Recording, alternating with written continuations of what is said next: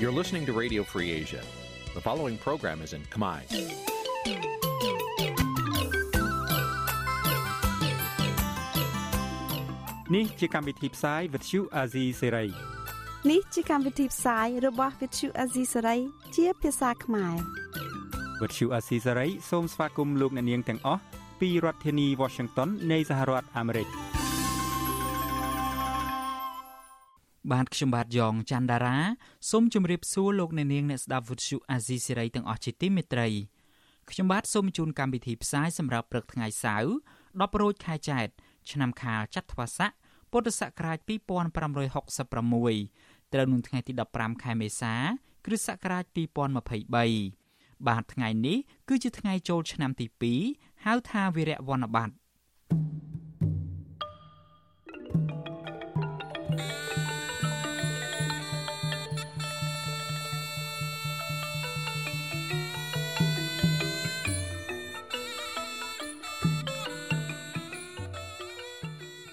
បាទជាដំបូងនេះសូមអញ្ជើញអស់លោកអ្នកនាងស្ដាប់ព័ត៌មានប្រចាំថ្ងៃដែលមានមេត្តាដូចតទៅ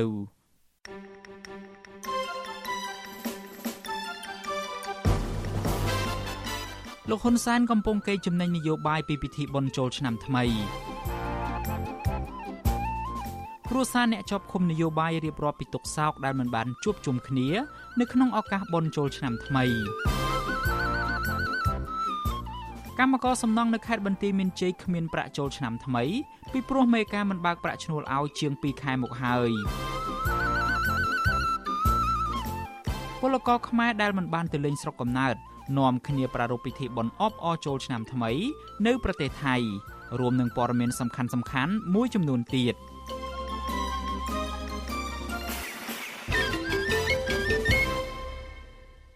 បាទជាបន្តទៅទៀតនេះខ្ញុំបាទយ៉ងច័ន្ទដារា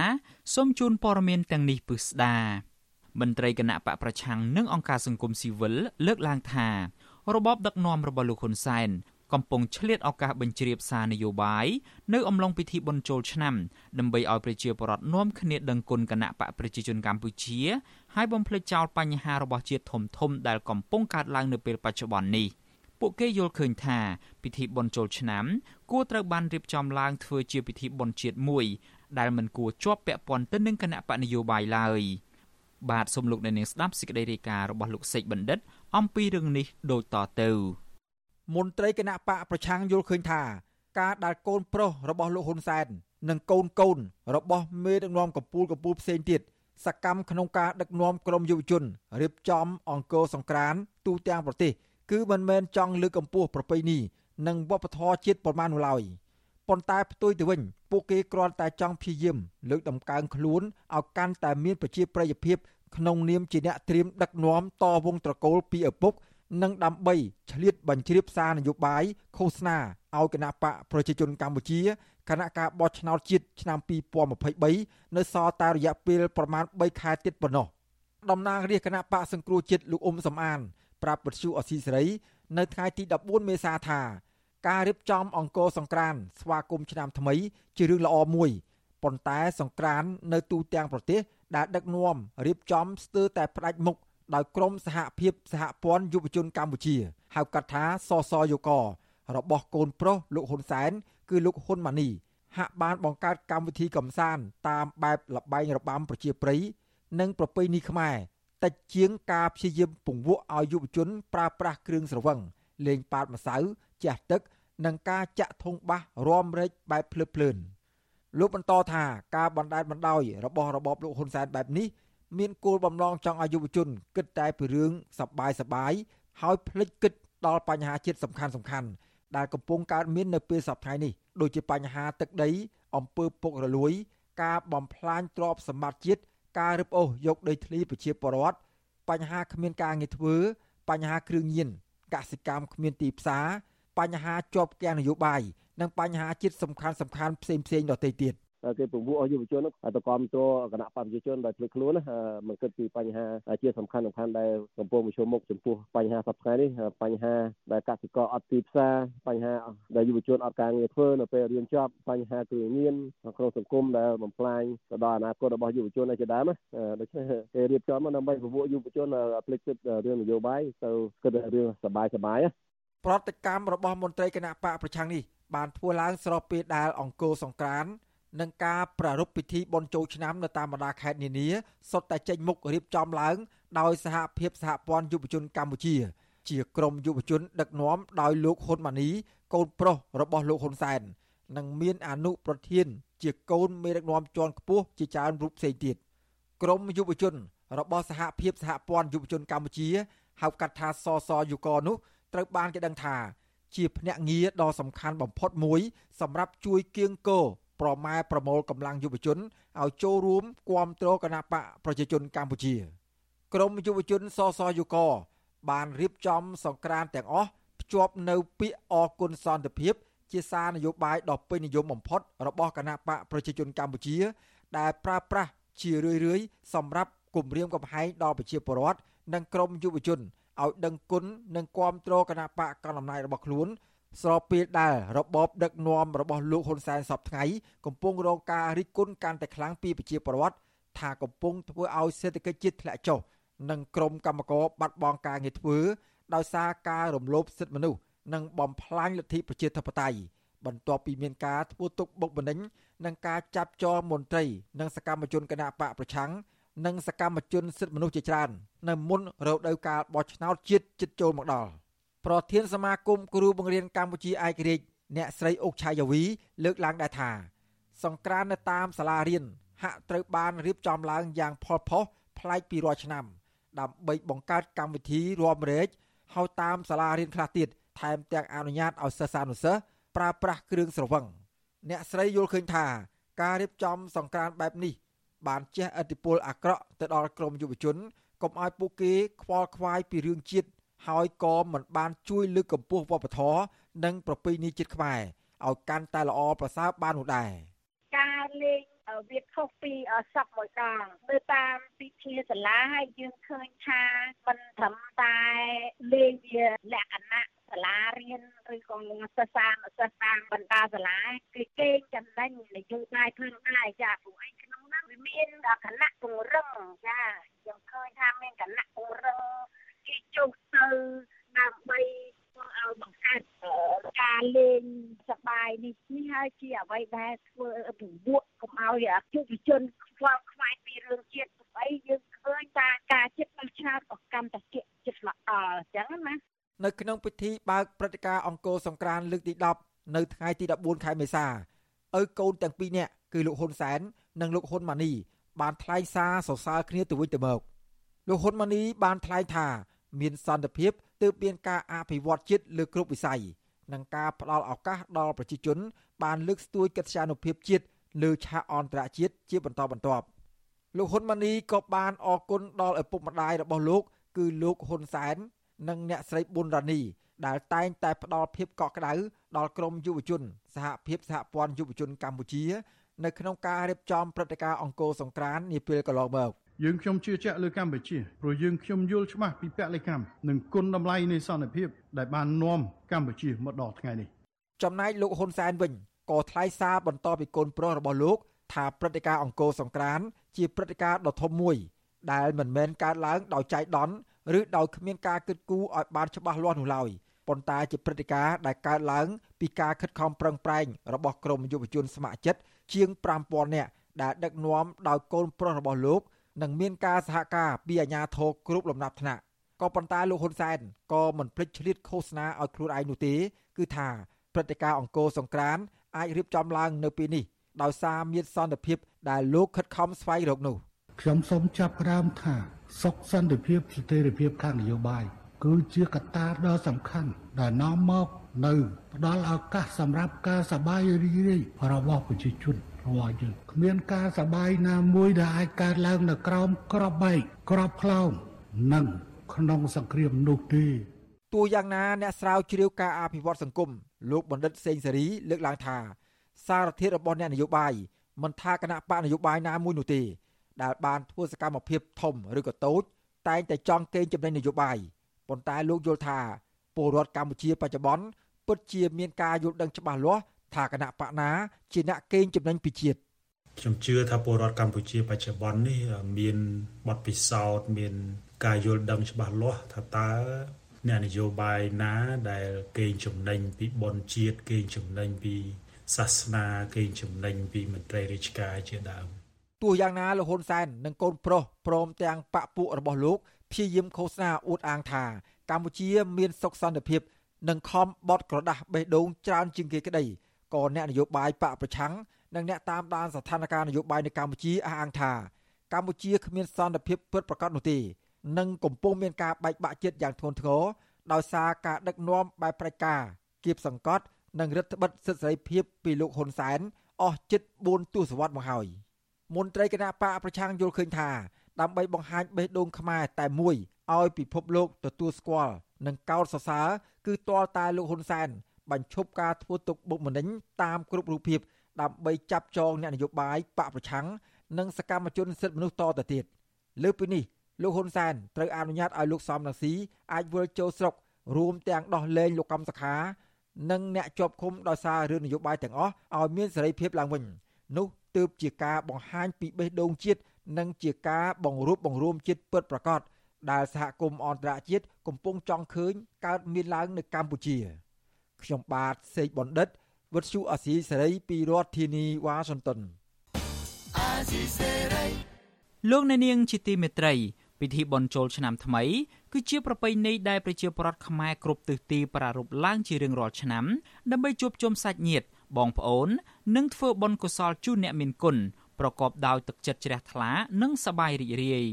ក៏ប៉ុន្តែប្រពន្ធនិងកូនកូនរបស់សកម្មជនគណៈបកប្រឆាំងដែលកំពុងតែជាប់ឃុំឯណោះវិញ ពួកគាត់កំពុងរងទុក្ខសោកព្រាត់ប្រាសគ្រួសារដោយសារតែរដ្ឋាភិបាលលោកហ៊ុនសែនចាប់ប្តីនិងឪពុករបស់ពួកគាត់ដាក់ពន្ធនាគាររាប់ឆ្នាំដោយអយុត្តិធម៌មន្ត្រីសិទ្ធិមនុស្សអំពាវនាវដល់រដ្ឋាភិបាលដោះស្រាយវិវាទនយោបាយហើយដោះលែងសកម្មជនទាំងនោះឲ្យបានជួបជុំក្រុមគ្រួសារឡើងវិញដើម្បីផលប្រយោជន៍ជាតិបាទសំលោកនៅនាងរងចាំស្ដាប់សេចក្តីរាយការណ៍នេះពឹស្ដានៅពេលបន្តិចទៀតនេះអើយនៅកំ pl ង plong ហើយនៅគ្នាលេង ត្រាត់តាំងចិត្តបរិសុទ្ធយ៉ាងជារបាំខ្មែរឆាឆារាចារាមុំបងវើយវើយក៏មុំបងអើយនៅកំ pl ង plong ហើយនៅគ្នាលេងត្រាត់តាំងចិត្តបរិសុទ្ធយ៉ាងជារបាំខ្មែរឆាឆារាចារាមុំបងវើយវើយក៏មុំបងអើយកំ pl ង plong ហើយនៅគ្នាលោកអ្នកនាងជាទីមេត្រីប្រជាពលករខ្មែរដែលមិនបានត្រឡប់ទៅស្រុកកំណើតរបស់ពួកគាត់ នាំគ្នារៀបចំអបអរពិធីបុណ្យចូលឆ្នាំថ្មីនៅប្រទេសថៃបាទនៅក្នុងពិធីនេះក្រុមពលករធ្វើការនៅច្រើនកន្លែងតាមតំបន់ពួកគាត់រស់នៅ នៅកន្លែងខ្លះពលករអបអរពិធីនេះមុនប្រមាណថ្ងៃនៃពិធីបុណ្យចូលឆ្នាំ និងតំបន់ផ្សេងទៀតរៀបចំអបអរនៅក្នុងថ្ងៃបុណ្យចូលឆ្នាំថ្មីនេះតែម្ដង បាទលោកយុនសាមៀនរាយការណ៍ពឹស្ដាអំពីរឿងនេះ។ ពលករដែលមិនបានទៅស្រុកកំណើតនៅកម្ពុជានាំគ្នាប្រារព្ធពិធីបុណ្យចូលឆ្នាំថ្មីនៅលើទឹកដីថៃពួកគេថាការប្រារព្ធពិធីចូលឆ្នាំថ្មីនៅថៃក៏ដូចនៅស្រុកខ្មែរដែរ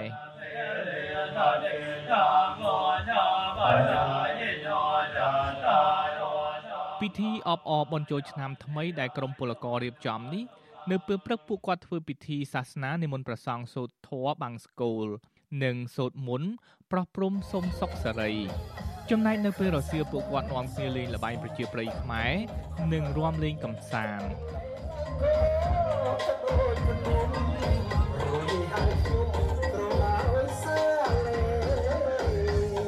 ពលករធ្វើការនៅប្រទេសថៃជាង6ឆ្នាំកញ្ញាមួយលឹមជាប្រាប់ថាឆ្នាំថ្មីនេះកញ្ញាមិនបានទៅលេងបុណ្យចូលឆ្នាំថ្មី នៅស្រុកកំណើតទេព្រោះរវល់ធ្វើការងារនិងខ្វះខាតថវិកាផងនោះទោះបីជាកញ្ញាមិនបានទៅលេងបុណ្យចូលឆ្នាំថ្មីនៅស្រុកខ្មែរក្តីប៉ុន្តែកញ្ញាប្រាប់ថានៅពេលបានចូលរួមអបអរពិធីឆ្នាំថ្មីជាមួយពលករផ្សេងទៀតធ្វើឲ្យកញ្ញាបាត់នឹកស្រុកខ្មែរខ្លះដែរ ក្រមានណាដែលថាធ្វើកម្មវិធីនៅស្រុកខេត្តអញ្ចឹងចាខ្ញុំខាងធ្វើយូរដែរអីចានៅនេះដូចដូចផ្ទះយើងអញ្ចឹងដូចបងប្អូនយើងច្រើនណាពួកអីពួកដូចខ្ញុំផ្ទះយើងអញ្ចឹងចាធ្វើបន់ធ្វើអីពលករម្នាក់ទៀតលោកមាសសេងបង្ហាញទឹកមុខរីករាយពេលអបអរទទួលទេវតាឆ្នាំថ្មី ពេលឃើញពលករខ្មែរមកចូលរួមអបអរពិធីនេះច្រើន លោកយល់ថានេះជាពិធីប្រពៃណីទំនៀមទម្លាប់របស់ខ្មែរដែលរូបលោកនិងពលករផ្សេងទៀតត្រូវចូលរួមថែរក្សាបើទោះបីពួកគេរស់នៅទីណាក្តីពិតជាសប្បាយរីករាយខ្លាំងណាស់ក្នុងការប្រពៃនៅកម្មវិធីបន់ចូលឆ្នាំខ្មែរយើង ពីព្រោះថាវាជាប្រពៃណីទំនៀមទម្លាប់ដែលយើងតែងតែធ្វើតាំងពីដូនតារបស់យើងរហូតមកដល់ថ្ងៃនេះ ពិធីអបអរបន់ចូលឆ្នាំថ្មីរៀបចំដោយក្រមពលករនិងអង្គការសង្ត្រាល់ដែលជាស្ថាប័នជួយការពារពលករនិងមានការឧបត្ថម្ភថវិកាពីក្រុមហ៊ុននាំពលករខ្មែរមកធ្វើការនៅថៃ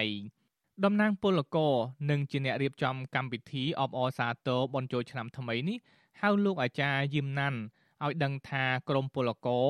បានខកខានធ្វើពិធីបញ្ចូលឆ្នាំថ្មី3ឆ្នាំមកហើយព្រោះបញ្ហាជំងឺ Covid-19 លោកឲ្យដឹងថាទោះពិធីនេះធ្វើនៅឆ្ងាយស្រុកប៉ុន្តែក្រមអ្នករៀបចំព្យាយាមប្រពតាមបែបផែនខ្មែរដោយមានទាំងការធ្វើពិធីសាសនា និងលេងល្បែងប្រជាប្រិយផងដែរហេតុអីបាទខ្ញុំសប្បាយចិត្តព្រោះទី1បាទគឺបងប្អូនដែលគាត់អត់មានឱកាសវិលត្រឡប់ទៅផ្ទះ គាត់បានមកធ្វើបន់បានពេញកុសល បាទដូចជារូបខ្ញុំជាដើមអញ្ចឹងខ្ញុំមកបានវិលត្រឡប់ទៅស្រុកកណើតអត់បានទៅនិមន្តប្រសង់បាំងស្គលជូនមេដាបៃតាដែលគាត់បានចែកឋានទៅហើយតែខ្ញុំបានធ្វើបន់នៅកន្លែងនេះ បាទដូចជាបានធ្វើបន់នៅស្រុកកណើតដែរនៅពេលពិធីសាសនាចប់ហើយ ជាពេលវេលារបស់ក្រមពលរដ្ឋលេងល្បែងប្រជាប្រិយខ្មែរម្ដង ល្បែងប្រជាប្រិយដែលក្រុមពលករលេងកំសាន្តមានដូចជាល្បែងដណ្ដើមស្លឹកឈើទាញព្រ័ត្ររាំដណ្ដើមកៅអីនិងវាយក្អមជាដើម ក្រៅពីនេះក្រមុំកំឡោះពលករខ្លះក៏លេងប៉ាតម៉ាសៅទាំងទឹកមុខរីករាយដោយមិនប្រកាន់គ្នាឡើយក្នុងចំណោមល្បែងប្រជាប្រិយដែលពួកគេលេងក៏មានការវាយក្អមដែរតែនៅពេលនេះគ្មានក្អមទេ ពួកគាត់យកឆ្នាំងដីមកជំនួសវិញនៅក្នុងឆ្នាំងដីនោះមានថវិកាជាប្រាក់បាតខ្លះប្រាក់រៀលខ្លះស្ករគ្រាប់និងម្សៅ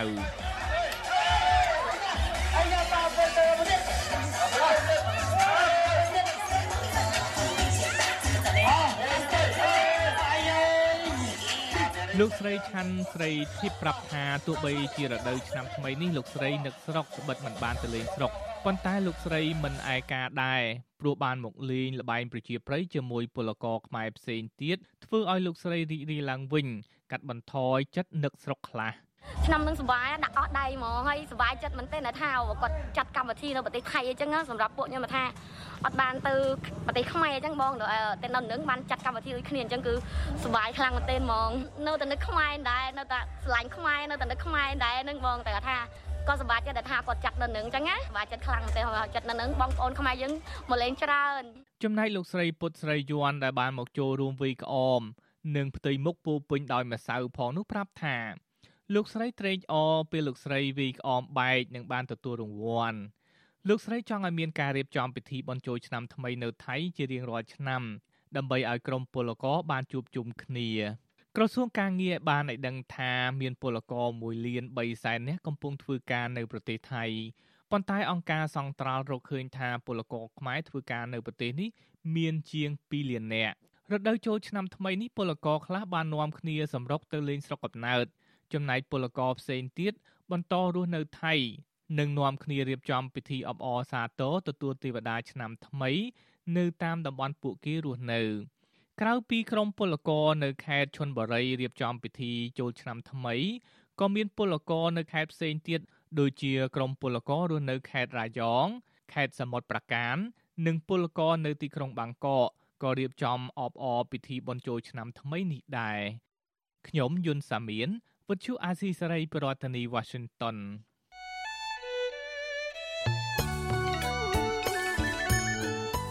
លលោកអ្នកនាងជាទីមេត្រីវិទ្យុអាស៊ីសេរីចាប់ផ្ដើមដំណើរការផ្សាយផ្ទាល់កម្មវិធីព័ត៌មានទាំងពេលព្រឹកនិងពេលយប់ជាផ្លូវការនៅលើបណ្ដាញសង្គមថ្មីមួយទៀតគឺបណ្ដាញសង្គម Telegram ចាប់ពីខែមេសាឆ្នាំ2023នេះតទៅលោកអ្នកនាងអាចស្វែងរក Telegram ផ្លូវការរបស់ Virtual Azizi Serai ដោយស្វែងរកពាក្យថា Virtual Azizi Serai ឬក៏ RFA ខ្មែរនៅលើទូរស័ព្ទដៃរបស់លោកអ្នកនាង បាទ Telegram ផ្លូវការរបស់ Virtual Azizi Serai មានសញ្ញា Tick ជាសញ្ញាសម្គាល់បាទក្រុមការងាររបស់ Virtual Azizi Serai នឹងព្យាយាមរិះរកមធ្យោបាយថ្មីៗបន្ថែមទៀតដើម្បីផ្ដល់ភាពងាយស្រួលដល់លោកអ្នកនាងកញ្ញានៅក្នុងការស្ដាប់និងទស្សនាការផ្សាយព័ត៌មានរបស់យើង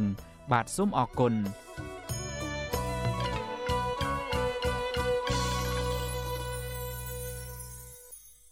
បាទលោកអ្នកនាងជាទីមេត្រី ចូលឆ្នាំគឺជាពិធីបុណ្យធំមួយរបស់ជាតិជាឱកាសដែលប្រជាពលរដ្ឋឈប់សម្រាកពីការងារជួបជុំក្រុមគ្រួសារនិងធ្វើដំណើរទៅកន្លែងកម្សាន្តផ្សេងផ្សេងក៏ប៉ុន្តែនេះក៏ជាឱកាសពេញនិយមនៅក្នុងការទទួលទានគ្រឿងស្រវឹងផងដែរ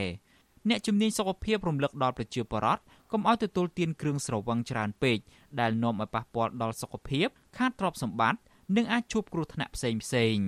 បាទលោកថាថៃរាយការណ៍ព័ត៌មាននេះជូនលោកអ្នកនាង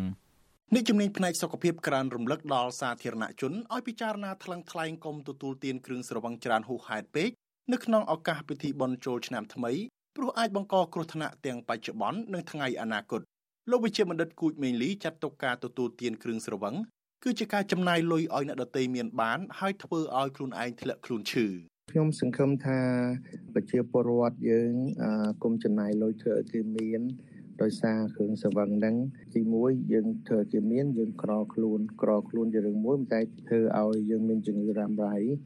លោកវិជ្ជបណ្ឌិតគួចមីលីបន្តថាឥទ្ធិពលនៃគ្រឿងស្រវឹងក្រៅពីប៉ះពាល់នៅពេលបច្ចុប្បន្នក៏ធ្វើឲ្យកូនចៅចំនួនក្រោយក្រលំបាកវេទនាទៀតផងពិបាកដល់កូនចៅថ្ងៃក្រោយពោះភេជច្រើនស្លាប់ដោយសារជំងឺកលៀនជំងឺថ្លើមដែលជាទូទៅជំងឺហ្នឹងធ្វើឲ្យយើងរ៉ាំរ៉ៃមុនស្លាប់វេទនា ចឹងធ្វើឲ្យបងប្អូនកូនចៅរបស់យើងហ្នឹងលោកដីឃ្លីអស់ហើយថ្ងៃក្រោយក៏ព្រាពុកម្ដាយអញ្ចឹងវាជាចំណុចមួយគួរឲ្យសោកស្ដាយគួរឲ្យភ័ព្វ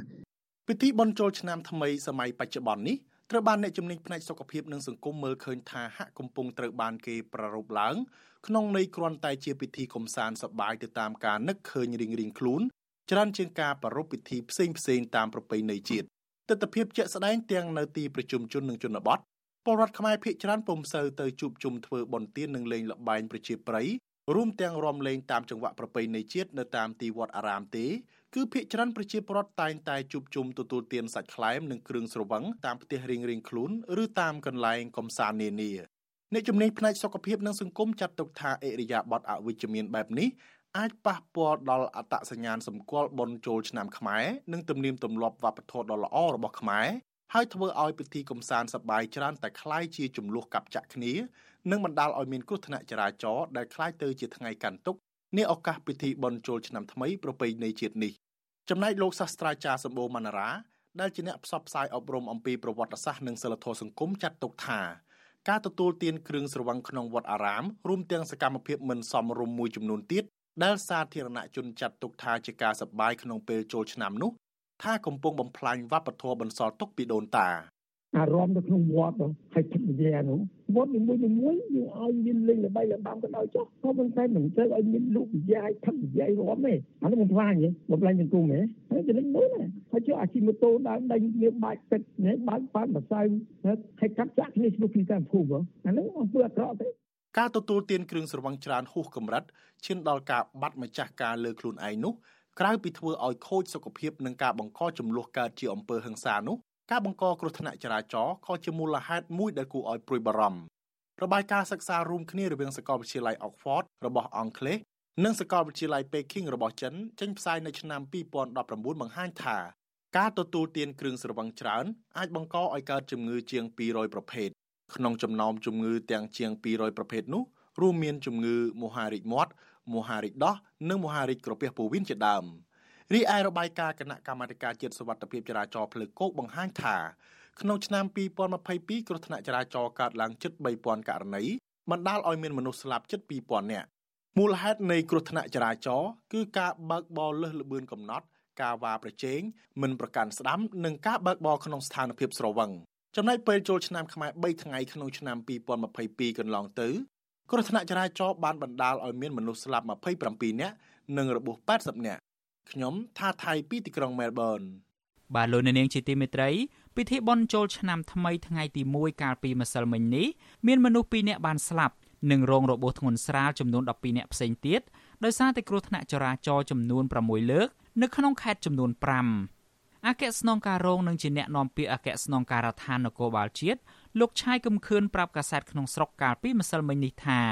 គ្រោះថ្នាក់ចរាចរណ៍នេះបានកើតឡើងនៅក្នុងខេត្តចំនួន5ក្នុងនោះមានអ្នករងរបួសធ្ងន់ចំនួន6នាក់កាលពីឆ្នាំ2022នៅក្នុងពិធីបុណ្យចូលឆ្នាំថ្មីរយៈពេល3ថ្ងៃចាប់ពីថ្ងៃទី14ដល់ថ្ងៃទី16ខែមេសាគ្រោះថ្នាក់ចរាចរណ៍នៅទូទាំងប្រទេសបានកើតឡើងចំនួន47លើកបណ្ដាលឲ្យមានមនុស្សស្លាប់ចំនួន27នាក់និងរងរបួសធ្ងន់ស្រាលចំនួន80នាក់ កាលពីឆ្នាំ2022កន្លងទៅគ្រោះថ្នាក់ចរាចរណ៍បានកើតឡើងសរុបចំនួនជិត23000ករណីនៅក្នុងនោះមានអ្នកស្លាប់ចំនួន1709នាក់រងរបួសចំនួន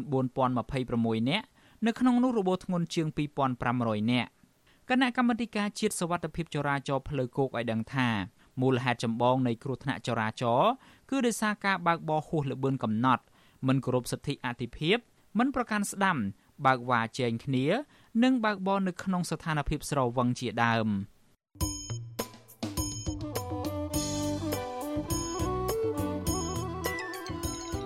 លោកអ្នកនាងជាទីមេត្រីដំណើរគ្នានឹងស្ដាប់ការផ្សាយរបស់ Vuthu Azizi Serai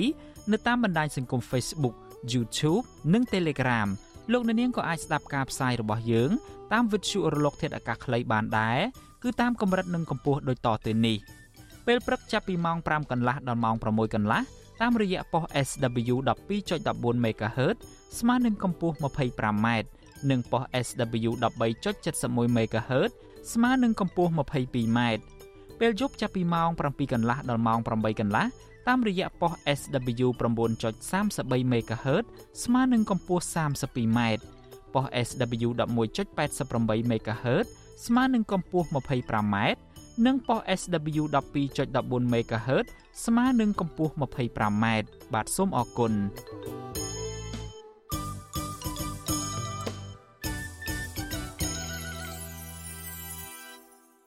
លោកអ្នកនាងកំពុងស្ដាប់ការផ្សាយរបស់ Vuthu Azizi Serai ពីរដ្ឋធានី Washington នៃសហរដ្ឋអាមេរិកពាក់ព័ន្ធទៅនឹងបញ្ហាការងារឯនេះវិញកម្មករសំណង់នៅសង្កាត់អូជ្រៅក្រុងប៉ោយប៉ែតខេត្តបន្ទាយមានជ័យប្រមាណ30នាក់ តវ៉ាទាមទារឲ្យថៅកែបើកប្រាក់ឈ្នួលពីអ្នកម៉ៅការសំណង់ដែលមិនព្រមបើកប្រាក់ឈ្នួលជូនពួកគាត់សម្រាប់បុណ្យចូលឆ្នាំថ្មីក្រុមកម្មករអះអាងថាពួកគាត់ធ្វើការលើសម៉ោងហើយប្រឈមទៅនឹងគ្រោះថ្នាក់ដល់អាយុជីវិតក៏ប៉ុន្តែក្រុមហ៊ុនបែរជាបោកប្រាស់ហើយអាជ្ញាធរពាក់ព័ន្ធមិនជួយដោះស្រាយបញ្ហាជូនកម្មករនោះឡើយបាទសំលោកអ្នកនាងស្ដាប់សេចក្តីរាយការណ៍មួយទៀតរបស់លោកសេកបណ្ឌិត អំពីរឿងនេះដូចតទៅ ក្រុមកម្មករសំណង់នៃក្រុមហ៊ុន Diamond Star នៅខេត្តបន្ទាយមានជ័យលើកឡើងស្រដៀងគ្នាថារយៈពេលជាង2ខែមកហើយដែលអ្នកម៉ៅការសំណង់មិនព្រមបើកប្រាក់ខែឲ្យកម្មករខណៈដែលពួកគាត់ខំធ្វើការច្រើនម៉ោងស្ទើរគ្មានពេលសម្រាកដើម្បីអាចមានប្រាក់ដោះស្រាយបញ្ហាជីវភាព និងសម្រាប់ត្រឡប់ទៅលេងស្រុកកំណើតក្នុងអំឡុងពេលចូលឆ្នាំថ្មីប៉ុន្តែពេលនេះពួកគាត់បែរជាមិនអាចទៅលេងស្រុកកំណើតបានទេ ដោយសារគ្មានលុយគ្រប់គ្រាន់មន្ត្រីសង្គមស៊ីវិលយល់ឃើញថាអាញាធរគួរតែចុះទៅត្រួតពិនិត្យការដ្ឋាន និងក្រុមអ្នកទទួលម៉ៅការឬក្រុមហ៊ុនទទួលការសាងសង់មួយចំនួន ដើម្បីជៀសវាងការរំលោភសិទ្ធិការងារនិងបង្ខំឲ្យកម្មករធ្វើការងារលើសម៉ោងកម្មករសំណង់ម្នាក់លោកផលធឿប្រាប់បទសុអសីសេរី នៅថ្ងៃទី14មេសាថារយៈពេលជិត2ខែមកហើយដែលថៅកែក្រុមហ៊ុន Diamond Star និងអ្នកម៉ៅការបន្តមិនព្រមបើកប្រាក់ខែឲ្យពួកគាត់ប៉ុន្តែលោកថាមកទួលនៅពេលនេះអ្នកទទួលម៉ៅការសំណង់បែរជារត់គេចខ្លួន ចំណែកឯថៅកែក្រុមហ៊ុនអះអាងថាគ្មានប្រាក់គ្រប់គ្រាន់បើកឲ្យកម្មករនោះទេ ហើយក៏តែមុខមកជួយដោះស្រាយលុយឲ្យបាទជួយដោះស្រាយគ្នាខាងក្រោមនេះអត់អត់បោះច្រើនអីប្រាប់គ្នាទៅថាគ្នាខុសអីបាទទៅអីខុសអញ្ចឹងយើងជួយឲ្យគ្នាកែតម្រួលទៅហើយចេញលុយឲ្យគ្នាទៅមិនទៅចងំឈឹងឲ្យកម្មករអះអាងថាអ្នកម៉ៅការឈ្មោះរងហើយកន្លងមកលោកធ្លាប់បោកយកលុយក្រុមកម្មករជាច្រើនអ្នកមកហើយរីឯថៅកែក្រុមហ៊ុន Diamond Star បានបើកប្រាក់ខែឲ្យកម្មករជាង10នាក់ដោយម្នាក់ទទួលបាន150ដុល្លារ ចំណែកក្រុមកម្មករជាង10នាក់ផ្សេងទៀតមិនទាន់ទទួលបានប្រាក់ខែនៅឡើយទេដោយថៅកែសន្យាថានឹងបើកឲ្យក្រោយពេលចូលឆ្នាំខ្មែរស្រដៀងគ្នានេះដែរកម្មករម្នាក់ទៀតផ្នែកកាត់ការ៉ូគឺលោកស្រីមានស្រីហ៊ុយថ្លែងថាលោកស្រីធ្វើការគិតជាថ្ងៃដោយក្នុងមួយថ្ងៃទទួលបាន40000រៀលប៉ុន្តែរយៈពេលជាង1ខែមកហើយលោកស្រីនិងក្រុមការងារច្រើនផ្នែកមិនទាន់បើកប្រាក់ឈ្នួលបាននោះទេលោកស្រីបន្តថា បើទោះបីជាថៅកែក្រុមហ៊ុន ជួយបើកប្រាក់ខែជំនួសឲ្យអ្នកម៉ៅសំឡងនោះក៏ដោយក៏លោកស្រីនិងកម្មករជាច្រើនអ្នកផ្សេងទៀតមិនទាន់ទទួលបានប្រាក់នោះទេខ្ញុំសូមសំណូមពរឲ្យបងបងមេការហ្នឹងជួយដោះស្រាយឲ្យចេញលុយឲ្យខ្ញុំអស់អស់មកវាលើកធ្វើសំណងហត់ណាស់វិទ្យុអសីសេរីនៅពុំទាន់អាចសុំការស្រាយបំភ្លឺអំពីរឿងនេះពីអ្នកម៉ៅការសំណងឈ្មោះរុងនិងចៅសង្កាត់អូជ្រៅ លោកវ៉ាជីមណារ៉េតបានទេ នៅថ្ងៃទី14មេសាដោយទូរស័ព្ទហៅចូលច្រើនដង តែពុំមានអ្នកទទួលប្រធានសមាគមពង្រឹងសេដ្ឋកិច្ចក្រៅប្រព័ន្ធលោកដិនវុធីជំរុញឲ្យអាជ្ញាធរពាក់ព័ន្ធគួរយកចិត្តទុកដាក់ចំពោះកម្មករសំណងទាំងអស់និងចុះទៅត្រួតពិនិត្យផ្ទាល់នៅកន្លែងការងារដើម្បីធានាថាក្រុមកម្មករទាំងអស់មិនត្រូវបានថៅកែរំលោភសិទ្ធិការងារនិងការកេងចំណេញកម្លាំងពលកម្មលោកបន្តថា អាញាធរមិនគួរសំងំយកសុកនោះទេពីព្រោះមានកម្មករជាច្រើនរងគ្រោះដោយសារការរំលោភសិទ្ធិការងារធ្វើការមិនបានប្រាក់ឈ្នួលនិងរងគ្រោះថ្នាក់ក្នុងអំឡុងពេលធ្វើការងារដូច្នេះអាជ្ញាធរគួរតែពិចារណាផ្ដល់បានបសសឲ្យកម្មករដើម្បីសម្រួលដល់ជីវភាពរបស់ពួកគេ។ ពេញក្រុងបុយប៉ែតហ្នឹងគឺយើងឃើញថាវិការរំលោភសិទ្ធិការងារហ្នឹងការធ្ងន់ធ្ងរបង្ខំមនុស្សឲ្យធ្វើការរហូតដល់12ម៉ោង14ម៉ោង16ម៉ោងអីមួយថ្ងៃហ្នឹងវាហាក់ដូចជាហួសហេតុពេកណាវារំលោភសិទ្ធិការងារហ្នឹងគឺខ្ញុំសំណូមពរឲ្យមន្ត្រីពាក់ព័ន្ធមន្ត្រីជំនាញនិងសមត្ថកិច្ចហ្នឹងពិនិត្យអមែនទេបើថាក្រុមហ៊ុនហ្នឹងអត់មានឈ្មោះបាត់ក្បត់ចោលអស់ទៅបាត់អស់ទៅកុំឲ្យមានក្រុមហ៊ុនអាណាមឹកប្រព្រឹត្តអំពើអាណាចារពេញក្រុងពេញខេត្តយើងហ្នឹងវាអត់ល្អទេមិនមែនតែខេត្តប្រទេសមានជ័យទេខេត្តផ្សេងផ្សេងក៏ដូចតែគ្នាហ្នឹងក្រុមកម្មករបន្ថែមថា ថៅកែនិងមេការខុបខិតគ្នា មានចេតនាមិនបើកប្រាក់ឈ្នួលបែបនេះពួកគាត់គ្មានជំនឿនិងគ្មានកម្លាំងបន្តការងារជាមួយនឹងក្រុមហ៊ុននោះទៀតទេលើពីនេះលោកស្រីមានស្រីហ៊ុយថាកម្មករដែលមកធ្វើការក្នុងការដ្ឋាននេះសុទ្ធតែមកពីបណ្ដាខេត្តផ្សេងផ្សេងគ្នាពួកគាត់ខ្លះបានប្រឹងប្រែងធ្វើការងារទាំងឈឺទាំងជា ដើម្បីយកប្រាក់ផ្គត់ផ្គង់ជីវភាពគ្រួសារនៅឯស្រុកកំណើតនិងសងបំណុលធនាគារទូយ៉ាងណាមន្ត្រីសង្គមស៊ីវិល និងក្រុមកម្មករអំពាវនាវដល់ស្ថាប័នពាក់ព័ន្ធត្រូវជំរុញឲ្យភាគីថៅកែនិងអ្នកម៉ៅការបន្តពន្លឿនការដោះស្រាយបញ្ហាប្រាក់ខែដល់កម្មករឲ្យបានឆាប់ជៀសវាងអូសបន្លាយពេលដែលធ្វើឲ្យក្រុមកម្មករកាន់តែជួបទុក្ខលំបាកបន្ថែមទៀត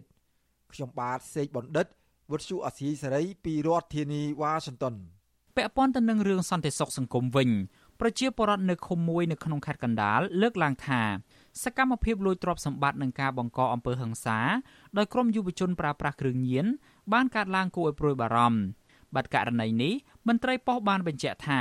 ការបាត់បង់ទ្រព្យសម្បត្តិនោះគឺដោយសារតែប្រជាពលរដ្ឋទុកទ្រព្យសម្បត្តិរបស់ខ្លួនដោយធ្វេសប្រហែសដែលសមាជិកពិបាកនៅក្នុងការជួយថែរក្សា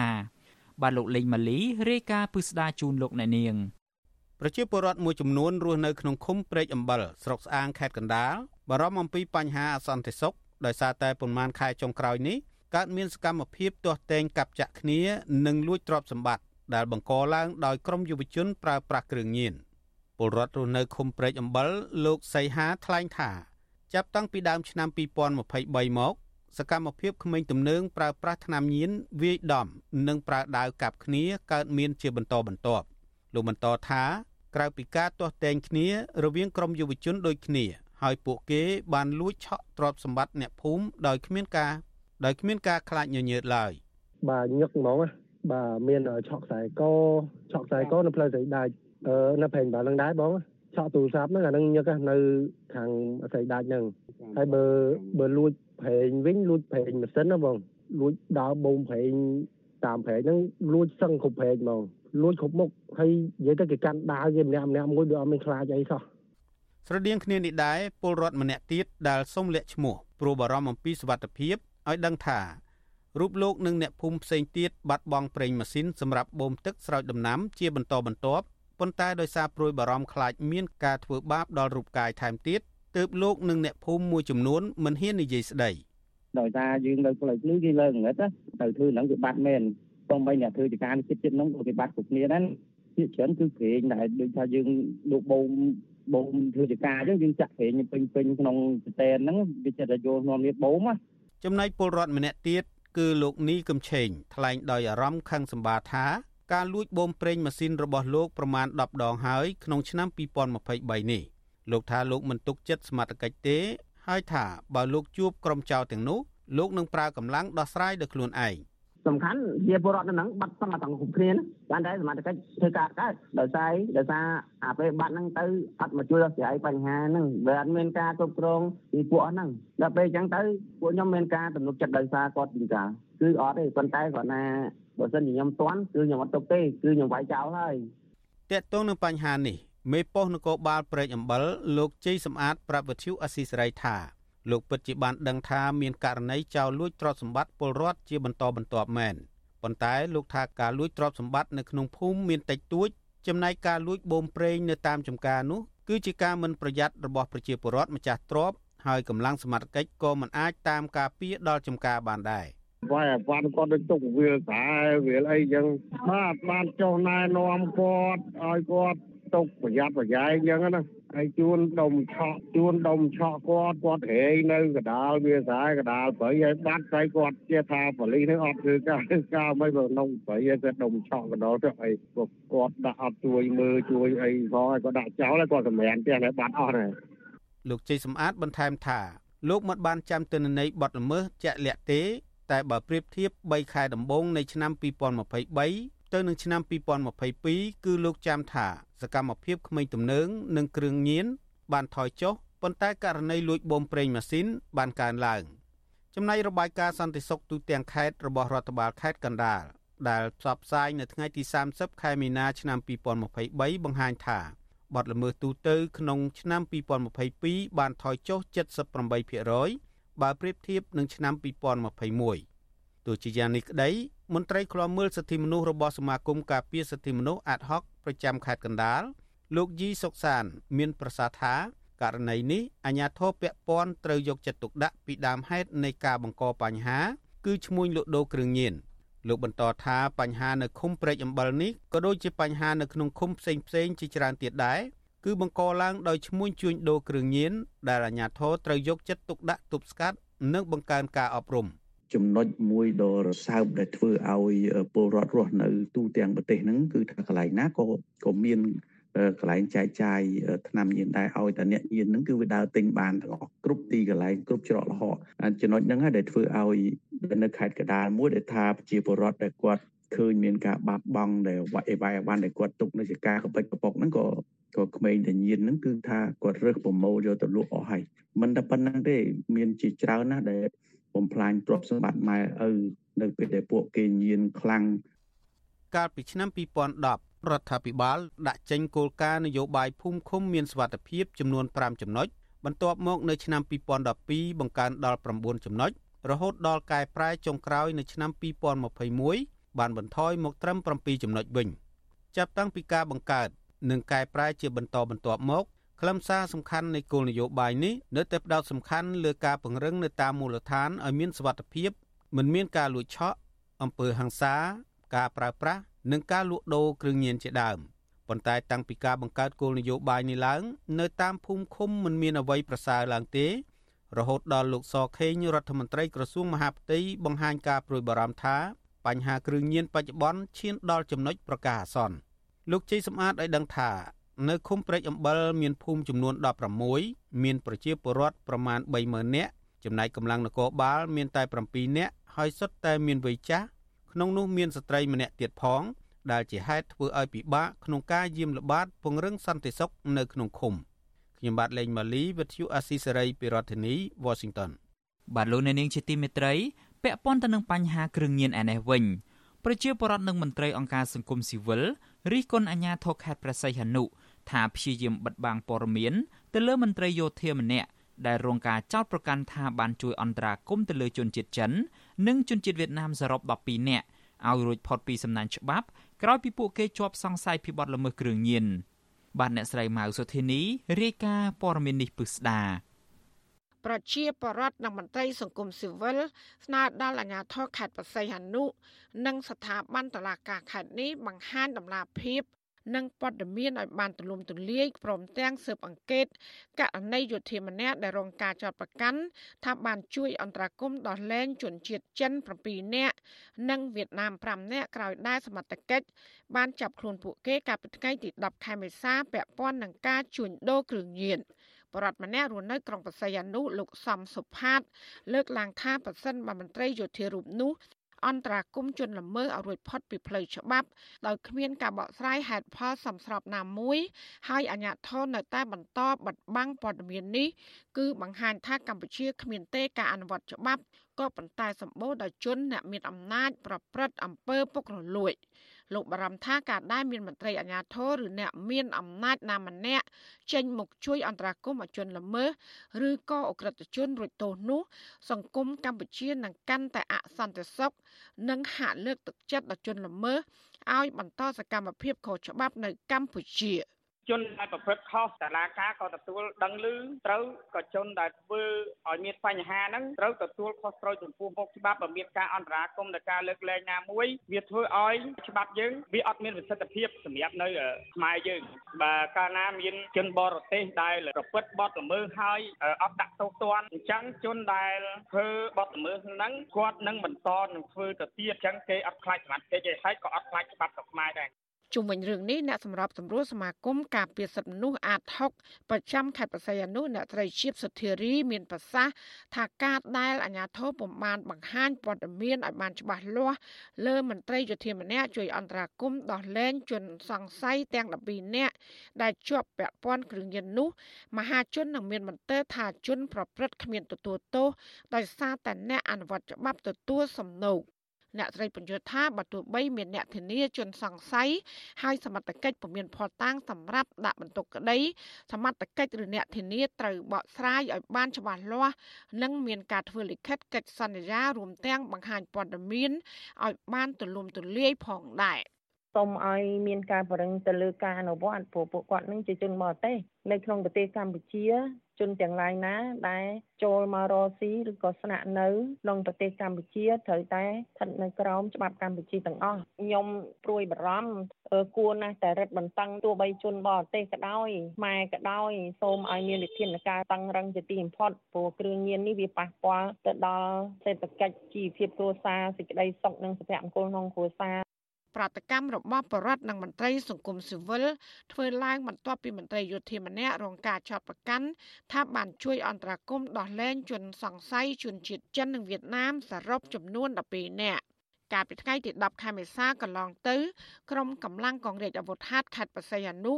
បង្ក្រាបបានជនជាតិចិនជនសង្ស័យចំនួន7នាក់និងវៀតណាមចំនួន5នាក់នៅកាស៊ីណូកងហ្វូ Galaxy ដែលស្ថិតនៅទល់មុខសាលាកម្មករក្នុងក្រុងបរសៃអនុនិងរឹបអូសបានគ្រឿងញៀនជាង1គីឡូក្រាម ជាថ្នាំប្រភេទគ្រាប់ពណ៌លឿងពណ៌ផ្កាឈូកជិត1000គ្រាប់រួមទាំងគ្រឿងញៀនជាប្រភេទម្សៅជាច្រើនកញ្ចប់ ក្រោយមកទៀតមន្ត្រីសមត្ថកិច្ចម្នាក់បានប្រាប់ក្រុមអ្នកសារព័ត៌មានក្នុងស្រុកថាមន្ត្រីយោធាម្នាក់ឈ្មោះហ៊ុនឆរតហៅតេឡាឬឡៅហុងដែលជាអ្នកមើលការខុសត្រូវក្នុងកាស៊ីណូកងហ្វូ Galaxy អន្តរាគមន៍ដោះលែងជនសង្ស័យទាំង12នាក់នោះ វិទ្យុអសីស្រីបានព្យាយាមតាក់ទងមេបញ្ជាការកងរាជអាវុធហត្ថខេត្តបរសៃអនុលោកហេងប៊ុនទីស្នងការនគរបាលខេត្តបរសៃអនុលោកជួនណារិន និងអ្នកនាំពាក្យសាលាខេត្តនេះគឺលោកខៀងភិរមដើម្បីសាកសួរបន្ថែមជុំវិញបញ្ហានេះក៏ប៉ុន្តែពុំមានការឆ្លើយតបនោះទេកាលពីថ្ងៃទី14ខែមេសាចំណែកបរិយាអាញារងនិងអ្នកនាំពាក្យសាលាដំបងខេត្តបរសៃអនុលោកថុចបញ្ចសន្តិភាព ប្រាប់វិទ្យុស៊ីស្រីតាមបណ្ដាញសង្គម Telegram ថាពុំមានមន្ត្រីយោធាឈ្មោះហ៊ុនឆរតជួយអន្តរាគមន៍លើជនសង្ស័យជនជាតិចិននិងវៀតណាមទាំង12នាក់នោះទេថ្មីត្បិតអ្នកនាំពាក្យសាលាដំបងរូបនេះអះអាងបែបនេះក្តីក៏ប៉ុន្តែលោកមិនបានបញ្ជាក់អំពីសវនាការលើជនសង្ស័យនិងបង្ហាញអំពីសារក្រមសម្រាប់របស់តុលាការលើជនល្មើសទាំង12នាក់នោះឡើយ។ កម្ពុជាក្រោមការដឹកនាំដោយលោកហ៊ុនសែនបន្តជាប់ឈ្មោះជាប្រទេសមានអំពើពុករលួយ និងគ្មាននីតិរដ្ឋត្រឹមត្រូវដោយសារតែអាជ្ញាធរនិងអ្នកអនុវត្តច្បាប់មួយចំនួនត្រូវទទួលលុយក្រោមតុពីក្រុមជនល្មើសដើម្បីជាធ្នូដោះលែងពួកគេមានត្រីភាពឡើងវិញ។ ជាក់ស្ដែងក្រុមអ្នកមានលុយមានអំណាចមួយចំនួនបើទោះបីជាពួកគេប្រព្រឹត្តនៅបាត់អក្រិតនិងមានការសម្រេចពីតុលាការឲ្យពួកគេជាប់ពន្ធនាគារតាមច្បាប់កំណត់ក្តីក៏ប៉ុន្តែលោកហ៊ុនសែនបានចេញមុខអន្តរាគមជួយឲ្យពួកគេរួចផុតទោសទណ្ឌផងដែរជាក់ស្ដែងលោកហ៊ុនសែនថ្មីថ្មីនេះបានអន្តរាគមស្នើទៅ5មហាក្សត្រដើម្បីផ្ដល់សេរីភាពលើកលែងទោសអតីតអភិបាលខេត្តតាកែវគឺលោកឡាយវណ្ណៈក្នុងរឿងឃាតកម្មកាលពីឆ្នាំ2018ដែលការនោះតឡាការកំពូលបានសម្រេចឲ្យលោកជាប់គុក13ឆ្នាំ ពីបទឃាតកម្មលើស្រីកំណាន់ឈ្មោះជេសវត្តនា អ្នកខ្លំមើលរិះគន់ថាទង្វើរបស់មេដឹកនាំឯកបៈនេះគឺជាការជន់ឈ្លីច្បាប់និងធ្វើឲ្យច្បាប់នៅកម្ពុជាទន់ខ្សោយដោយសារតែការប្រកាន់បពុនិយម និងជាទង្វើលើកទឹកចិត្តឲ្យអក្រិតជន បន្តប្រព្រឹត្តនៅអំពើក្រតកម្មនៅក្នុងសង្គមកម្ពុជាបន្ថែមទៀតចាននាងខ្ញុំម៉ៃសុធានីវិទ្យុអាស៊ីសេរីប្រធានាធិបតី Washington បាទលោកនាងជាទីមេត្រីពាក់ព័ន្ធទៅនឹងបញ្ហាជនជាតិចិននេះដែរ សមត្ថកិច្ចនគរបាលខណ្ឌដង្កោសហការជាមួយកម្លាំងចារកម្មនៃក្រសួងមហាផ្ទៃកាលពីថ្ងៃទី13ខែមេសាបានឃាត់ខ្លួនជនសង្ស័យជាបរិសុទ្ធជនជាតិចិនចំនួន5នាក់ពីបទបង្ខាំងនិងចាប់ចម្រិតទារប្រាក់នៅទីតាំងពីរផ្សេងគ្នា គឺនៅភូមិស្រុកជែកនិងភូមិព្រែកថ្លឹងសង្កាត់ជើងឯកក្នុងខណ្ឌដង្កោរាជធានីភ្នំពេញកាសែតក្នុងស្រុកផ្សាយកាលពីថ្ងៃទី14ខែមេសាម្សិលមិញឲ្យដឹងថានៅពេលសមត្ថកិច្ចចោះត្រួតពិនិត្យនៅភូមិស្រុកជែក សមត្ថកិច្ចបានឃាត់ខ្លួនជនសង្ស័យជាជនជាតិចិនចំនួន3នាក់និងជនជាតិខ្មែរ3នាក់ទៀតដែលជាអ្នកបម្រើ មានប្តីប្រពន្ធនិងកូនប្រុសតូចចំណែកនៅផ្ទះមួយកន្លែងទៀតនៅក្នុងភូមិព្រែកថ្លឹងសមត្ថកិច្ចក៏បានរកឃើញជនជាតិចិនជាបរិសុទ្ធចំនួន3នាក់ផ្សេងទៀតក្នុងនោះ2នាក់ជាជនសង្ស័យនិងម្នាក់ទៀតគឺជាជនរងគ្រោះនៅក្នុងប្រតិបត្តិការទាំងពីរកន្លែងនេះសមត្ថកិច្ចចម្រុះក៏បានរឹបអូសវត្ថុតាងមួយចំនួនក្នុងនោះមានរថយន្តកំភ្លើងវែងខ្លីកំបិតខ្នោះដៃ វិទ្យុតាក់ទងទូរស័ព្ទដៃកាតសម្គាល់ខ្លួនលិខិតឆ្លងដែននិងឯកសារមួយចំនួនទៀត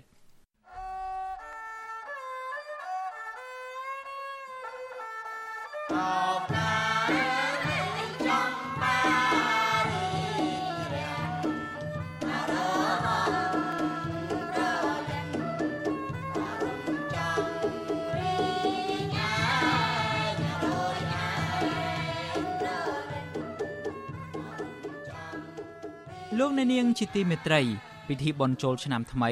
គឺជាប្រពៃណីដែលប្រជាពលរដ្ឋខ្មែរគ្រប់ទិសទីប្រារព្ធឡើងជារៀងរាល់ឆ្នាំដើម្បីជួបជុំសាច់ញាតិបងប្អូន និងធ្វើបុណ្យកុសលជូនអ្នកមានគុណប្រកបដោយទឹកចិត្តជ្រះថ្លា និងសប្បាយរីករាយក៏ប៉ុន្តែប្រពន្ធនិងកូនកូនរបស់សកម្មជនគណៈបកប្រឆាំងដែលកំពុងតែជាប់ឃុំឯណោះវិញពួកគាត់កំពុងរងទុក្ខសោកព្រាត់ប្រាសគ្រួសារដោយសារតែរដ្ឋាភិបាលលោកហ៊ុនសែន ចាប់ប្តីនិងឪពុករបស់ពួកគាត់ដាក់ពន្ធនាគាររាប់ឆ្នាំដោយអយុត្តិធម៌មន្ត្រីសិទ្ធិមនុស្សអំពាវនាវដល់រដ្ឋាភិបាលដោះស្រាយវិវាទនយោបាយហើយដោះលែងសកម្មជនទាំងនោះឲ្យបានជួបជុំក្រុមគ្រួសារឡើងវិញដើម្បីផលប្រយោជន៍ជាតិបាទសំលោកអ្នកនាងស្ដាប់សេចក្តីរាយការណ៍ពឹស្ដាមួយទៀតរបស់លោកលេងម៉ាលីអំពីរឿងនេះដូចតទៅពិធីបុណ្យចូលឆ្នាំថ្មីប្រពៃណីជាតិជាពិធីបុណ្យប្រចាំឆ្នាំធំមួយក្នុងចំណោមបុណ្យជាតិមួយចំនួនទៀត ពលគឺពលរដ្ឋខ្មែរដែលចាកចេញពីគ្រួសារបានមនីមនីជួបជុំគ្នានៅតាមស្រុកភូមិនិងនៅតាមទីវត្តអារាម ឬទីប្រជុំជននានា ដើម្បីចូលរួមអបអរសាទរឆ្នាំថ្មី ចំណែកលោកហ៊ុនសែនវិញ បានយកពិធីចូលឆ្នាំនេះរៀបចំជួបជុំគ្រួសារត្រកូលហ៊ុននិងនាំកូនចៅដើរសប្បាយក្អាកក្អាយនៅខេត្តសៀមរាបយ៉ាងណាក្តីប្រពន្ធសកម្មជនគណៈបកប្រឆាំង ដែលកំពុងជាប់ឃុំបាននាំគ្នាបង្ហោះសារនៅលើបណ្ដាញសង្គម Facebook ដោយរំលឹកពីរឿងរ៉ាវអយុត្តិធម៌ក្រោមការដឹកនាំរបស់លោកហ៊ុនសែនដោយពួកគាត់បង្ហាញពីអារម្មណ៍ឈឺចាប់និងសោកស្ដាយដែលក្នុងឱកាសនេះពួកគាត់នៅតែមិនអាចជួបជុំគ្រួសារសាច់ញាតិបងប្អូន ដើម្បីប្រារព្ធពិធីបុណ្យចូលឆ្នាំខ្មែរដូចគេគ្រប់គ្នាប្រពន្ធមន្ត្រីគណៈបកសង្គ្រោះជាតិដែលកំពុងជាប់ពន្ធនាគារត្រពាំង plong លោកគង់ស្មាន គឺលោកស្រីអៀបសួគាថ្លែងថាប្តីលោកស្រី គឺជាគ្រូបង្រៀនម្នាក់ដែលបានចូលបម្រើជាតិតាំងពីដើមមក តែតុលាការគ្រប់ជាន់ថ្នាក់គ្មានសុភវិនិច្ឆ័យក្នុងរឿងនយោបាយបែរជាកាត់ទោសឲ្យប្តីលោកស្រីជាប់គុក7ឆ្នាំដោយអយុត្តិធម៌លោកស្រីក៏រៀបរាប់ថាការដែលប្តីជាប់ពន្ធនាគាររយៈពេលជិត3ឆ្នាំមកនេះបានធ្វើឲ្យគ្រួសាររបស់លោកស្រីរងការឈឺចាប់ដោយប្រពន្ធព្រាត់ប្តីហើយកូនព្រាត់ឪពុកជាទីស្រឡាញ់ លោកស្រីឲ្យដឹងថាខែបុណ្យទាននេះទោះបីគ្រួសារលោកស្រីមិនមានឱកាសជួបជុំនឹងគេ តែយ៉ាងហោចណាស់លោកស្រីបានទៅបាំងស្កូលឧទ្ទិសកុសលជូនជីដូនជីតាខាងប្តីនៅក្រុងកំពង់ចាមនិងរៀបចំមហោបអាហារដោយផ្ទាល់សម្រាប់លើកទឹកចិត្តប្តីក្នុងពន្ធនាគារដូចឆ្នាំមុនដែរ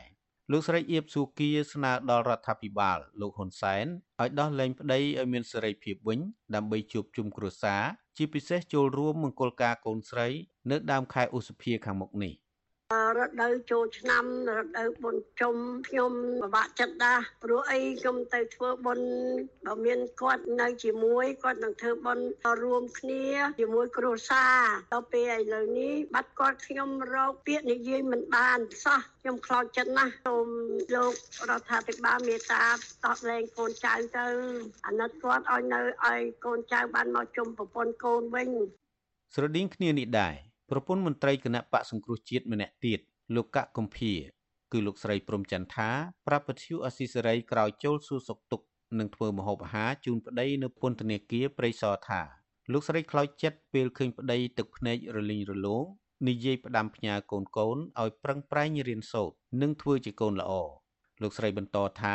អ្វីដែលខ្លោចចិត្តជាងនេះគឺកូនប្រុសសួរថាពេលណាប៉ាត្រឡប់ទៅផ្ទះវិញ លោកស្រីព្រំចន្ទថានៅតែចាត់ទុកការចាប់និងឃុំខ្លួនប្តីលោកស្រី ដាក់ពន្ធនាគារជិត3ឆ្នាំដោយគ្មានកំហុសថាជារឿងនយោបាយគណៈអ ுக ្រិតជនសម្លាប់មនុស្សជួញដូរគ្រឿងញៀនទទួលបានការលើកលែងទោសទៅវិញលោកស្រីបួងសួងដល់ទេវតាឆ្នាំថ្មីឲ្យចុះមកបន្ទន់ចិត្តលោកហ៊ុនសែនឲ្យងាកមកស្ដារប្រជាធិបតេយ្យនិងគោរពសិទ្ធិមនុស្សឡើងវិញ។ ក្រុមគ្រួសារពួកខ្ញុំអត់កំហុសទេហើយជាពិសេសព្រះអង្គអីហ្នឹងកូនណាសូមឲ្យមានការ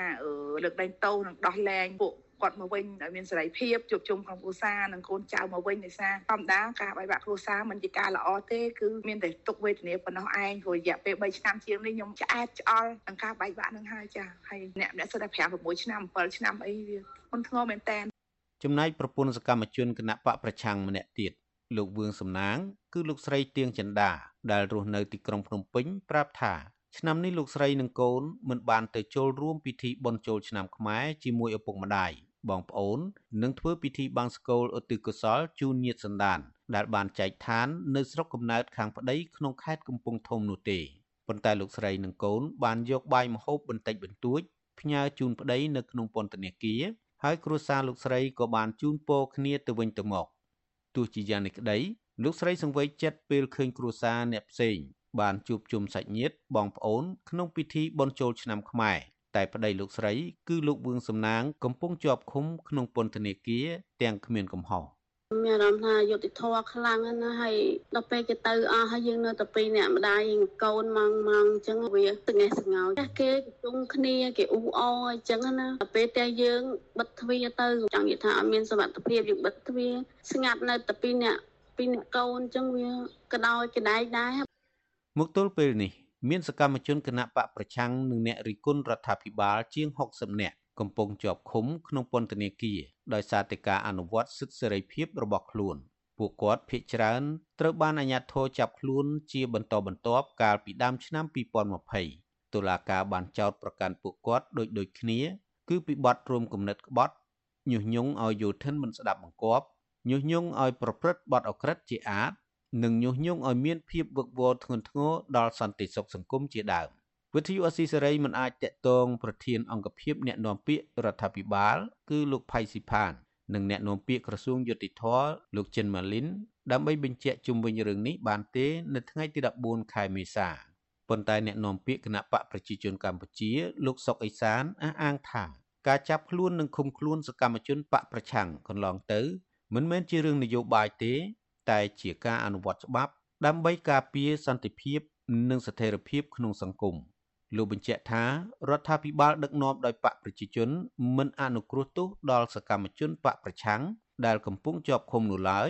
ហើយលោកថាការស្នើលើកលែងនិងបន្ធូរបន្ថយទោសទណ្ឌិត នៅពិធីបុណ្យជាតិត្រូវធ្វើឡើងតាមរយៈគណៈកម្មការនៅតាមក្រសួងជំនាញធ្វើការវិយតម្លៃត្រឹមត្រូវមុនដាក់ទៅប្រមុខរដ្ឋាភិបាល។ រាជរដ្ឋាភិបាលមិនអាចបដិបដោយឲ្យពួកនឹងធ្វើកម្មភាពអ្វីដើម្បីបំផ្លាញក្តីសុខសាន្តសានរបស់ប្រជាពលរដ្ឋទេអានឹងបើគាត់នៅតែយល់ឆ្វេងជ្រុលអញ្ចឹងអានឹងមិនដឹងទេអានឹងទៅតាមយថាកម្មរបស់គាត់ទៅហើយយើងទាំងអស់គ្នាអនុវត្តប្រជាធិបតេយ្យគោលការណ៍ប្រជាធិបតេយ្យនិងនីតិរដ្ឋដែលបើធ្វើខុសច្បាប់ហើយមិនឲ្យអនុវត្តច្បាប់ឲ្យធ្វើអីទោះជាយ៉ាងណាក្តីក្រមគ្រួសារសកម្មជនបកប្រឆាំង ជាពិសេសអង្គការសិទ្ធិមនុស្សជាតិនិងអន្តរជាតិព្រមទាំងប្រទេសកាន់លទ្ធិប្រជាធិបតេយ្យនៅតែចាត់ទុកក្តីក្តាមទាំងនេះថាជារឿងនយោបាយដើម្បីធ្វើទុកបុកម្នេញនិងបំបិតសិទ្ធិសេរីភាពសកម្មជននយោបាយដែលរិះគន់រដ្ឋាភិបាលពួកគេយល់ថាសកម្មភាពទាំងអម្បាលម៉ានរបស់សកម្មជននយោបាយនិងសកម្មជនសិទ្ធិមនុស្សជាដើមគឺជាការប្រើប្រាស់សិទ្ធិសេរីភាពស្របច្បាប់មិនមែនជាបទល្មើសនោះឡើយ ហើយស្នើទៅរដ្ឋាភិបាលថាត្រូវផ្ដល់សេរីភាពដល់សកម្មជនទាំងនោះវិញទន្ទឹមនឹងរដ្ឋាភិបាលលោកហ៊ុនសែនបង្កើនការចាប់ខ្លួនអ្នកនយោបាយជាបន្តបន្ទាប់តុលាការកម្ពុជាត្រូវបានគេវាយតម្លៃថាខ្វះឯករាជ្យនិងមិនទាន់ទទួលបានទំនុកចិត្តពីពលរដ្ឋនៅឡើយទេ ជាពិសេសពាក់ព័ន្ធនឹងសំណុំរឿងដែលមានចរិតនយោបាយស្ថិតក្រោមខ្សែញាក់របស់អ្នកនយោបាយសាធារណមតិទូទៅយល់ឃើញថា ចៅក្រមនិងព្រះរាជអាជ្ញាសុទ្ធតែជាសមាជិកកម្ពុជាកម្ពុជារបស់គណៈបកប្រជាជនកម្ពុជានិងមានស្នាដៃជាច្រើនជួយគណៈបកប្រជាជនកម្ពុជាឲ្យបន្តរក្សាអំណាចតាមរយៈការកំទេចគណៈបកនិងអ្នកនយោបាយប្រឆាំងនិងបំបិតសម្លេងរិះគន់នានាដែលមិនស្របការដឹកនាំរបស់អ្នកកាន់អំណាចប្រធានសមាគមការពារសិទ្ធិមនុស្សអាតហុកលោកនីសុខាមានប្រសាសន៍ថារឿងដែលសោកសៅសម្រាប់ក្រុមគ្រួសារសកម្មជនគណៈបកប្រឆាំង ដែលមាននានាការមិនស្របរដ្ឋាភិបាលត្រូវរស់នៅបែកបាក់ប្រត់ប្រាស់គ្រួសារក្នុងរដូវបុណ្យទាន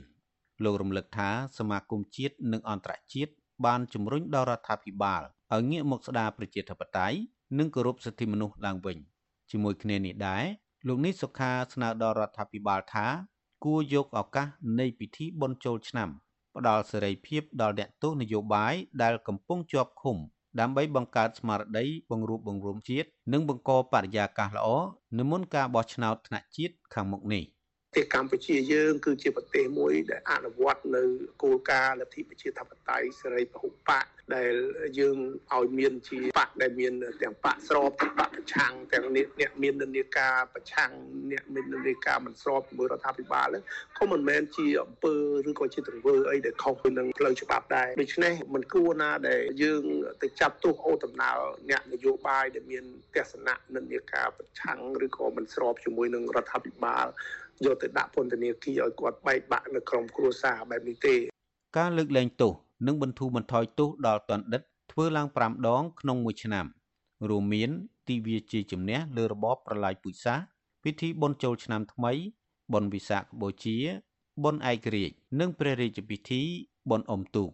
មន្ត្រីសង្គមស៊ីវិលនិងសាច់ញាតិអ្នកជាប់ឃុំលើកឡើងថាលោកនាយករដ្ឋមន្ត្រីហ៊ុនសែន គួរដាក់បញ្ចូលអ្នកទោសនយោបាយឬអ្នកទោសមនសិការចូលក្នុងបញ្ជីបន្ធូរបន្ថយនិងលើកលែងទោសទណ្ឌិតក្នុងឆ្នាំថ្មីនេះថ្វាយទៅព្រះមហាក្សត្រដើម្បីផ្ដល់ការអនុគ្រោះទោសលើពីនេះពួកគាត់យល់ថារដ្ឋាភិបាលលំមដល់ពេលទទួលស្គាល់ការពិត ហើយងាកទៅរកការចរចានយោបាយដើម្បីកុំឲ្យពលរដ្ឋខ្មែរទទួលរងការឈឺចាប់បន្តទៀតខ្ញុំបាទលេងម៉ាលីវិទ្យុអាស៊ីសេរីរាយការណ៍ពីរដ្ឋធានី Washington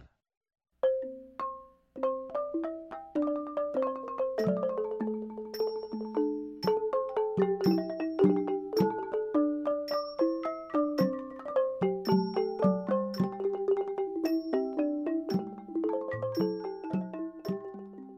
អ្នកនាងជាទីមេត្រី